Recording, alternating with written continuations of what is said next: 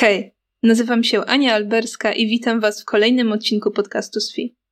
Na co dzień tworzymy non-profit konferencję informatyczną skierowaną do wszystkich pasjonatów informatyki.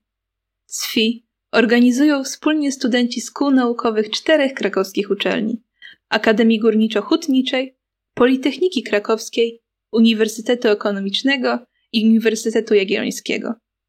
W dzisiejszym odcinku będę rozmawiać z Kubą Kowalikiem, jednym z założycieli wrocławskiego Hackerspace'a, a na co dzień niańczącego serwery i aplikacje webowe. Hobbystycznie zajmuje się on edukacją, szeroko pojętą elektroniką, tworzeniem rzeczy i urządzeń, działając właśnie w Fundacji Hackerspace Kraków. Cześć Kuba. Cześć. W Bionosfi, tym samym, którym Cię przedstawiłam, pojawia się informacja, że na co dzień niańcisz serwery i aplikacje webowe. Czym dokładnie zajmujesz się w takim razie na co dzień? Y, zawodowo jestem DevOps Engineerem. Pracuję w krakowskiej firmie Virtus Lab, y, natomiast pracuję w projekcie dla dużego zagranicznego klienta korporacyjnego. Brzmi to całkowicie inaczej, porównując z tym, dlaczego się spotkaliśmy. Mam do Ciebie pytanie również o Twoją ksywę w internecie, bo przedstawiasz się najczęściej jako Bell07. I z tego, co udało mi się zresearchować, Bell z takim unikodem oznacza, parafrazując angielską Wikipedię, kod używany w faksach, aby powiadomić operatora przychodzącej wiadomości. Nie wiem, czy dobrze to, to sparafrazować, czy dobrze znalazłam. Tak, mniej więcej. Konkretnie w dalekopisach. Mhm. Natomiast y, to, że mam po Bell dopisane to 007 wynika po prostu z tego, żeby się wyróżnić w internecie, bo jednak osób posługujących się nickiem Bell w internecie jest bardzo dużo, y, a to jest trochę unikalne. A dlaczego pseudonim Bell akurat? To wynika gdzieś z głębokiego gimnazjum i zamiłowania do Harry'ego Pottera. O kurde. Jako osoba, która ma błyskawice na ręce, to jest, to jest bardzo satysfakcjonująca odpowiedź. Co jest z Bell w Harry Potterze? Jakie są dzwonki? Nazwisko Katie Bell. A, okej, okay, dobra. Przejdźmy może w takim razie do Hackerspace'a. Czym, jakbyś tak e, miał opisać swoimi słowami, jest Hackerspace, ta inicjatywa? Hackerspace jest y, połączeniem, powiedzmy, społeczności i fizycznego miejsca, w którym ludzie się spotykają, y, dzielą wiedzą, pracują wspólnie nad projektami. Swego rodzaju, no właśnie takie miejsce spotkań, y, jakby to powiedzieć, właściwie dla osób związanych z technologią, ale bardzo szeroko pojętą technologią, ale też ruchem DIY, ruchem makerskim, Ciężko to jednoznacznie ukategoryzować, natomiast zajmujemy się w zasadzie wszystkim. Jak jesteśmy pytani, czym się nie zajmujemy, to jednoznacznie odpowiadamy, że wędkarstwem. Myślę, że wędkarstwo też dałoby się jakoś połączyć z elektroniką. A to na pewno. A jak zaczęła się Twoja przygoda z tą inicjatywą, z tą fundacją? Jest y, taki portal y, Hackaday, na którym po prostu są opisywane różne ciekawe projekty. Jest to amerykański portal. Natomiast gdzieś około roku 2012-2013, jak jeszcze byłem w liceum, yy, zacząłem szukać, czy jest we Wrocławiu taka inicjatywa. I za którymś razem po prostu trafiłem na grupę ludzi, którzy się jeszcze wtedy nieformalnie spotykali, rozmawiali o założeniu stowarzyszenia. Yy, no a później założyliśmy stowarzyszenie, wynajęliśmy pierwszy lokal, potem go zmieniliśmy. Yy, a dwa lata temu przeprowadziłem się do Krakowa, gdzie z kolei już w krakowskim hackerspace również dosyć aktywnie działam. A jakie generalnie są początki hackersów? Skąd w ogóle pojawił się pomysł takiej inicjatywy? To jest coś, co powstało we Wrocławiu, czy ma miejsce na całym świecie? Yy, hackerspace, czy też ruch hakerski jest to coś zdecydowanie globalnego. Zacząłbym od tego, skąd się w ogóle wzięło określenie hack, czy też hacker, bo ono ma dosyć długą historię i to są lata 60. na MIT w klubie modelarzy kolejowych i to jest jedno z pierwszych udokumentowanych pojawień się słowa hack. To była po prostu notatka do uczestników, że e, jeżeli coś będą eksperymentowali bądź hakowali są z, związanego z ich makietą, są proszeni o wyłączenie bezpieczników na wszelki wypadek. I to jest takie pierwsze miejsce, gdzie się pojawia określenie hack, czy też hacker. Natomiast później yy, to, to, słowo zostało również wspomniane w Jargon File'u, który w latach 80. powstał jako taki dokument yy, spisujący różne yy, sformułowania słowa używane w zasadzie już przy początkach internetu. I potem jeszcze raz to się pojawiło już w 93 roku w dokumencie RFC Internet Users Glossary. To jest ta sama grupa dokumentów, które standaryzują różne części internetu, takie jak TCP/IP i tak dalej. Y, natomiast pierwszy taki, powiedzmy, coś, co można nazwać Hackerspace'em, to w latach 90., 80., 90. w Niemczech powstał Chaos Communication Club, który w zasadzie miał bardzo podobne początki, natomiast nie nazywał się jeszcze Hackerspace'em. A pierwsze hackerspace'y powstały pierwsze w Bostonie już 1992 y, rok. Niestety ten hackerspace przetrwał tylko do 2000, natomiast najstarszym na świecie, który jest nadal działający, to jest niemiecki Seabase w Berlinie, który istnieje od 1995 roku. Później w 2012 to był chyba czerwiec, warszawski hackerspace się założył czy założyli stowarzyszenie y, i parę miesięcy później y, w Krakowie y, kilka osób założyło fundację, bo po prostu stwierdzili, że chcieliby taką inicjatywę również mieć w Krakowie. Zaraz po tym poszły inne polskie miasta, w, dwa lata później Wrocław właśnie. Natomiast w tej chwili mamy jeszcze na Pomorzu Hackerspace, Hackerspace Pomorze, Hackerspace Silesia w Katowicach i yy, właśnie obserwujemy i pomagamy założyć się hackerspace'owi w Łodzi. Nieźle. Czy, czy nazwa hakersi yy, ma to samo pochodzenie, co trochę w sumie perioratywne w mainstreamie hacker? Yy, nie. To okay. znaczy inaczej. Bardzo wcześnie zostało to zabarwienie nadane, negatywne. Oryginalnie, tak jak mówię, to dotyczyło właśnie osób, y, po, prostu pracy nad jakimś projektem, ale też wykorzystywania wiedzy pewnej również ponadprzeciętnej do rozwiązywania problemów, kreatywnego rozwiązywania problemów i tak dalej. Natomiast y, pierwsze takie negatywne to jest 1963 rok, gdzie w gazetce uczelnianej na MIT pojawiło się określenie hackers, y, czy też hakerzy na ludzi, którzy wykorzystywali różne mechanizmy związane z siecią telefoniczną, żeby robić różne ciekawe rzeczy z tym. To, to się nazywa freaking. Natomiast chodziło między innymi o rozmowy dalekodystansowe, bez opłaty i tak dalej. No i od, od wtedy to się wszystko zaczęło. Potem to zostało przypieczętowane przez film Gry Wojenne, gdzie już dużo dobitniej został, hakerzy zostali hakerom została przypięta łatka y, przestępców i no staramy się walczyć z tym do dzisiaj. No i walczycie poprzez stworzenie właśnie takiej przestrzeni.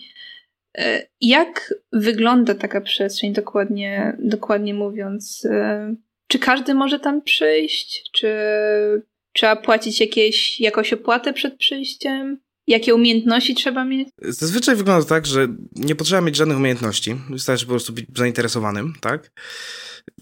Większość hackerspace'ów w Polsce ma takie otwarte spotkania raz w tygodniu. Przynajmniej miało przed obecną sytuacją pandemiczną. Natomiast y, takie właśnie spotkania otwarte, na które można przyjść, dowiedzieć się o hackerspace'ie, popracować nad jakimś swoim projektem.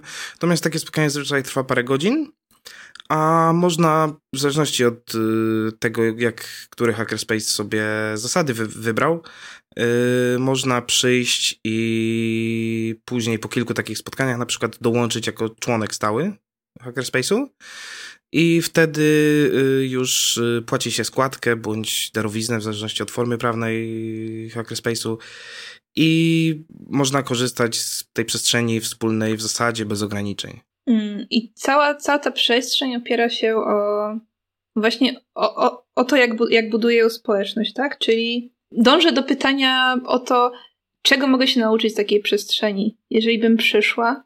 Jakie warsztaty są dostępne? Gdzie mogę się dowiedzieć o tym? No to tak, z powiedzmy rzeczy, czy narzędzi, czy możliwości, które u nas, u nas konkretnie w krakowskim Makerspace można w przestrzeni zrobić, mamy w zasadzie takie cztery pomieszczenia. Jest to lab elektroniczny, całkiem fajnie wyposażony. Jest y, pomieszczenie, które nazywamy softroomem. Softroomem to jest takie pomieszczenie do pracy z komputerem, czy bardziej pracy koncepcyjnej, a mniej do takich y, hardware'owych rzeczy. Mamy hardroom, który jest takim typowym warsztatem, trochę stolarskim, trochę do pracy z metalem, jakieś spawarki, piły stołowe, tokarka, takie rzeczy. I czwarte pomieszczenie, które nam służy trochę jako takie laboratorium obrabiarek sterowanych komputerowo, czyli drukarki 3D, mała frezarka, wycinarka laserowa. I w zasadzie wielu z tych rzeczy można się u nas nauczyć, niekoniecznie w poprzez warsztaty, yy, bo tylko z części rzeczy prowadziłem warsztaty, natomiast po prostu można się od innych osób chętnych yy, się czegoś dowiedzieć czy nauczyć, bo trochę też jedną z rzeczy, które leżą u podłoża ruchu hakerskiego jest yy, uczenie siebie, ale uczenie też innych. I jak duża jest taka społeczność obecnie w Krakowie? W tej chwili mamy około 60 stałych członków. O, to całkiem sporo. Więc jak, jak według ciebie jakby to opisać, jaki byłby w takim razie przepis na taki idealny hackerspace? Jak bardzo zależne są narzędzia i dostępne, dostępne pomieszczenia, a jak bardzo jest właśnie ważna społeczność, jaka się tworzy wokół tego? Osobiście uważam, że najważniejsza jest społeczność, przynajmniej na początek bo, no bo bez, bez ludzi ciężko cokolwiek faktycznie założyć, a dopiero później można myśleć już o kwestiach typu lokal, narzędzia i tak dalej. Natomiast jest, yy, była prelekcja paręnaście lat temu na niemieckim kongresie hakerskim Chaos Communication Congress. Yy, prelekcja pod tytułem Building a Hackerspace, ponieważ Niemcy mają do, duże doświadczenie z tym, biorąc pod uwagę, że w 95 pierwszy hackerspace w Niemczech powstał i opisali takie paterny czy rzeczy, które się przewijają i prędzej czy później każdy hackerspace się z tym boryka. E, I po prostu opisali właśnie taki przepis. E, tą prelekcję można znaleźć e, online. Jest to też spisane na wiki hackerspaces.org jako hackerspace, hackerspace Design Patterns. I w zasadzie w dużej mierze ja też się osobiście z tym zgadzam, bo większość z tych problemów, czy też kwestii, które bywają problematyczne, widziałem właśnie zarówno w wrocławskim hackerspace, jak i krakowskim. I zazwyczaj rozwiązanie, nawet które sami wypracowaliśmy, było w miarę zgodne z tym, co zostało opisane już wcześniej. Czyli, że jeżeli ktoś chciałby założyć swoją własną przestrzeń, to ma, może dostać takie narzędzia, znajdzie narzędzie, takie, takie narzędzia w internecie, jak właśnie stworzyć taką przestrzeń, tak? Tak, nie jest to konkretnie dokładny opis, tylko to, to, to są właśnie, nazwijmy to wzorce projektowe. Yy, yy, właśnie opisujące różne kwestie, z którymi można się borykać, bo jednak yy, to, jak konkretnie po kolei zakładać hackerspace, zależy też od y, pierwszych członków, od członków założycieli. No jasne, a czy jest jakaś strona, gdzie zbierają się mm, twórcy hackerspace'ów polskich, gdzie na przykład można by się zgłosić, jeżeli by się chciało założyć hackerspace'a w swoim mieście albo w swojej miejscowości? Yy, nie mamy takiego miejsca jednego wspólnego dla Polski. Okej. Okay. Yy, jest y, strona i wiki hackerspaces.org, Y, natomiast y, do nas też tam kontakt jest, bo to tam jest również lista hackerspace'ów i można się z nami kontaktować w zasadzie z dowolnym hackerspace'em w Polsce. My też ze sobą utrzymujemy oczywiście kontakt, komunikujemy się przez Telegrama i no tak najłatwiej do nas dotrzeć. Nie, to, to brzmi ciekawie właśnie. Tak weszłam na tą stronę, jak y, przygotowałam się do tego odcinka i zauważyłam, że nawet był hackerspace w moim rodzinnym Lublinie, który nie jest niestety już aktywny. I właśnie zaczęłam się zastanawiać. E, tak, z tego co wiem, był w, był w Lublinie i w Poznaniu chyba też był. Nie, to jest fajna, fajna właśnie inicjatywa. E, przechodząc tak do do pytania o projekty. Wspominałeś, że Hackerspace nie jest związany z wędkarstwem. A jakie są takie najdziwniejsze albo najciekawsze projekty, jakie wspólnie stworzyliście? Dużo projektów nie jest robionych wspólnie ewentualnie przez pojedyncze osoby, które wspólnie działają, natomiast nie, nie, jako, nie przez Hackerspace jako całość. Natomiast jest jeden taki projekt, on ma już dobrych kilka lat w tej chwili. Na pewno osoby, które bywały w Krakowie kojarzą y, na Galerii Krakowskiej od strony placa, placu Jana Nowaka Jeziorańskiego jest y, oświetlenie, jest instalacja świetlna. I po prostu po którymś Nighthacku jeszcze w poprzedniej siedzibie, yy, zanim dołączyłem do Krakowskiego Hackerspace'u, ekipa zaczęła zastanawiać się, czy można by na tym coś wyświetlić. I dzięki różnym znajomościom udało mi się skontaktować z osobami odpowiedzialnymi za to. Powstał nowy sterownik do ty tego oświetlenia, który ułatwiał yy, tworzenie różnych animacji, bo wcześniej trzeba było je projektować klatka po klatce w oprogramowaniu, które nie było wygodne. Natomiast y, po zmianie sterownika można było już zacząć y, projektować animacje czy efekty, y, po prostu je programując więc można było też robić różne y, losowe efekty i tak dalej. Przy różnych okazjach y, to było używane, bo na co dzień to po prostu są jakieś efekty, natomiast y, czy to przy okazji świąt narodowych, bądź wygranej jakiejś drużyny sportowej polskiej w jakichś międzynarodowych zawodach, na przykład jest tam wyświetlana biało-czerwona flaga, i przy różnych innych okazjach jest to wykorzystywane. I to, to jest taki, powiedzmy, najbardziej widoczny, najciekawszy projekt y, Hackerspace'u krakowskiego. Nie, brzmi to, brzmi to super, tak bardzo użytecznie i fajne usprawnienie właśnie dla Galerii Krakowskiej. Wspomniałeś o Nighthackach? Tak. Czym, czym jest takie spotkanie? Jak to, jak to wygląda? One w pewnym stopniu zmieniły formę przez ostatnie 7 lat, bo już od 7 lat mamy Nighthacki. E, natomiast e, na początku one miały zazwyczaj jakiś temat przewodni czy coś takiego, a w tej chwili po prostu są okazją dla osób, które nie są członkami, żeby przyjść, dowiedzieć się o Hackerspace'ie, pokorzystać trochę z narzędzi, dowiedzieć się jak można dołączyć, zobaczyć czy to jest faktycznie coś, co ich interesuje, czy może jednak y, potrzebują, czy szukają innego, innej społeczności, czy innej innego miejsca o podobnym profilu działaniu, działania, takiego jak FabLab czy Makerspace, ale jest to też okazja dla, nazwijmy to, stałych bywalców czy członków, którzy już długo z nami są, żeby się po prostu spotkać tak raz w tygodniu. U nas akurat Nighthacki, no u nas to się nazywa Nighthack i odbywa się w piątki e, od 20 do północy. Niestety, ze względu na sytuację pandemiczną, w raz w marcu zawiesiliśmy Nighthacki.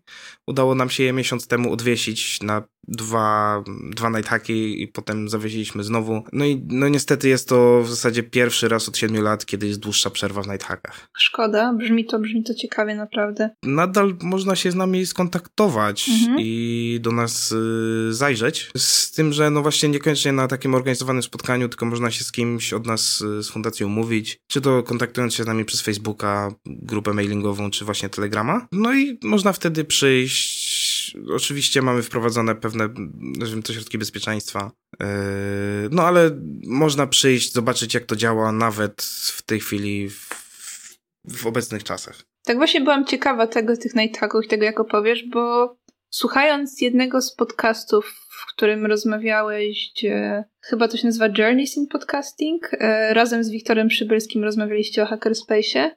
Tak, z Chrisem Davisem, tak. Tak, y, któryś z was opowiadał o tym, że, że Nighthacki to jest takie, takie, takie, takie spotkanie, kiedy szukacie jakiegoś pomysłu i razem pracujecie nad, nad jakim, jakąś inicjatywą i po, zdarza wam się całą noc to, to robić i właśnie... Tak, całą noc albo i dłużej. Powiedzmy, w tej chwili najtakiej też się przedłużają, natomiast te cztery godziny, co mówiłem, to są takie wyznaczone właśnie dla osób z zewnątrz.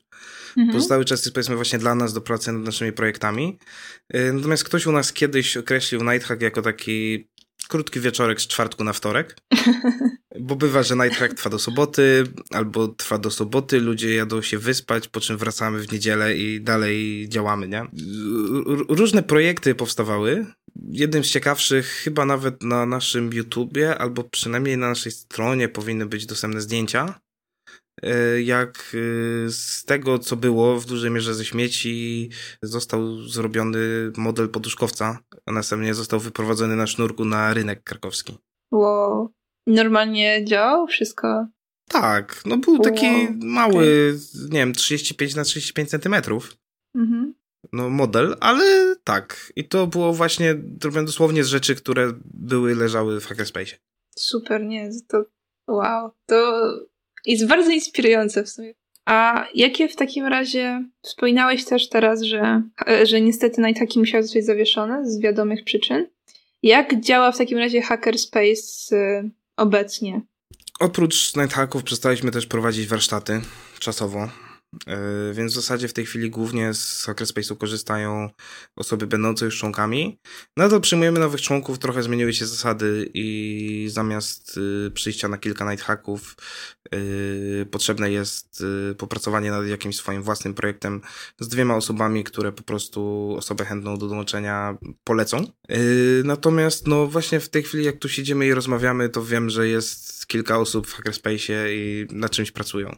A jakie są plany na najbliższą przyszłość? Czy nadal będzie kontynuowany to jak, to, jak działa? Czy może planujecie robić jakieś zdalne spotkania? Co jakiś czas się spotykamy zdalnie, ale to bardziej tak na pogaduszki. Mamy parę pomysłów, y, jak to, jak, jak powiedzmy właśnie zrobić takie y, spotkania online, Yy, tylko no, mimo wszystko praktycznie wszyscy w Hackerspace yy, mhm. mają też pracę zawodową, więc yy, łączenie tych dwóch rzeczy zazwyczaj jest trudne. Więc być może za jakiś czas ruszymy z takimi spotkaniami. Nadal będzie można przychodzić, chyba że oczywiście zostaną zmienione wytyczne i będziemy musieli się zamknąć. Yy, oprócz tego, podobnie jak warszawski Hackerspace, yy, od w zasadzie kwietnia czy też maja mhm. y, produkujemy przyłbice dla medyków.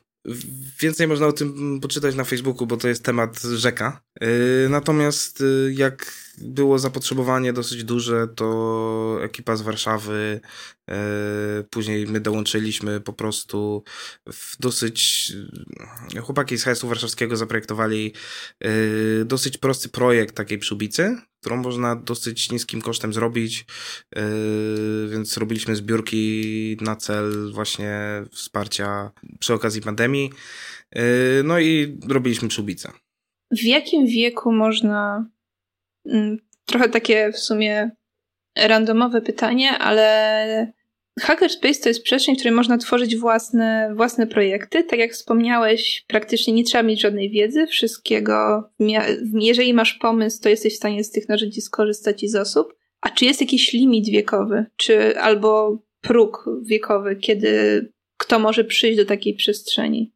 Czy to jest przestrzeń taka raczej takiej plac zabaw dla dorosłych, czy również osoby w wieku gimnazjalno-licealnym mogą y, Mamy paru członków w wieku licealnym.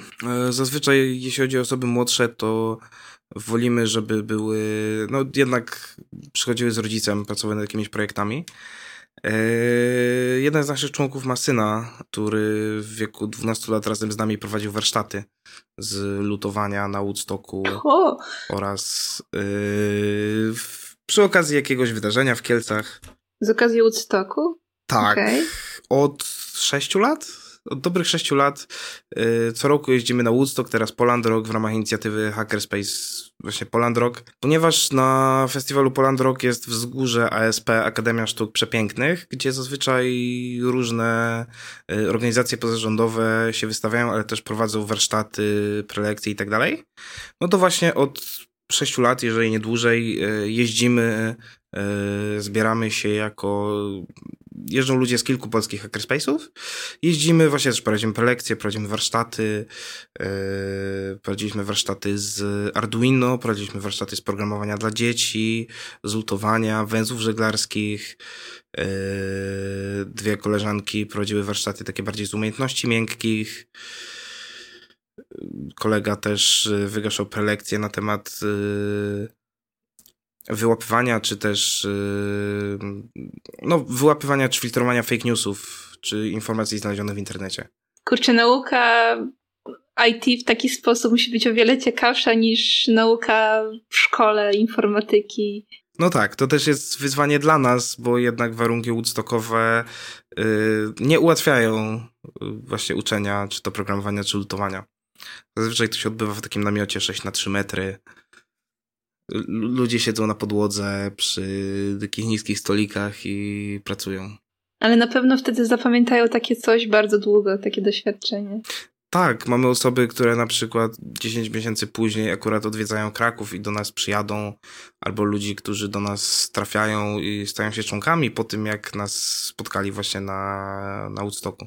Chętnie bym zobaczyła. Jeżeli będzie możliwość po prostu przyjechania na, na Poland Rock, to fajnie, fajnie byłoby nauczyć się lutowania właśnie pomiędzy w takim namiocie, kurczę, na, na festiwalu muzycznym, no. No, zapraszamy. Bo tak y, rozmawiamy właśnie o takim dosyć niekonwencjonalnym sposobie nauki i porównując to na przykład z informatyką w szkołach, gdzie y, największy poziom nauczania to jest y, prezentacja w PowerPoincie, to czy staracie się robić coś, aby promować tą naukę wśród, wśród uczniów?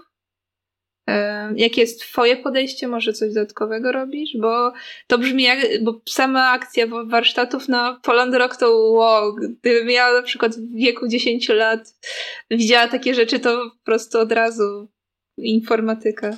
No najmłodszy uczestnik warsztatu zlutowania na Woodstocku miał 5 lat. Wow, u nas. Okay. Natomiast y, co do nauki, no my na pewno nikogo do niczego nie zmuszamy, tak? Więc jeżeli ktoś ma ochotę się czegoś nauczyć, to nie ma problemu. W tej chwili właśnie e, trzech naszych członków e, pracuje nad projektem e, Kansata. Mhm. Mm, właśnie trzech licealistów.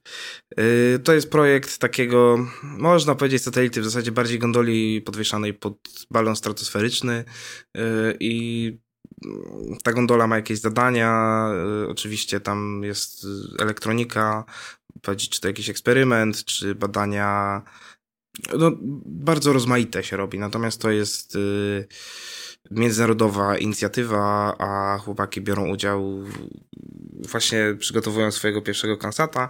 Natomiast jakiś czas temu też mieliśmy inny zespół, też pracujący nad kansatem, rok temu mniej więcej. Także powiedzmy w ten sposób, wspierając czy pomagając młodzieży, yy, trochę tą, trochę uczymy.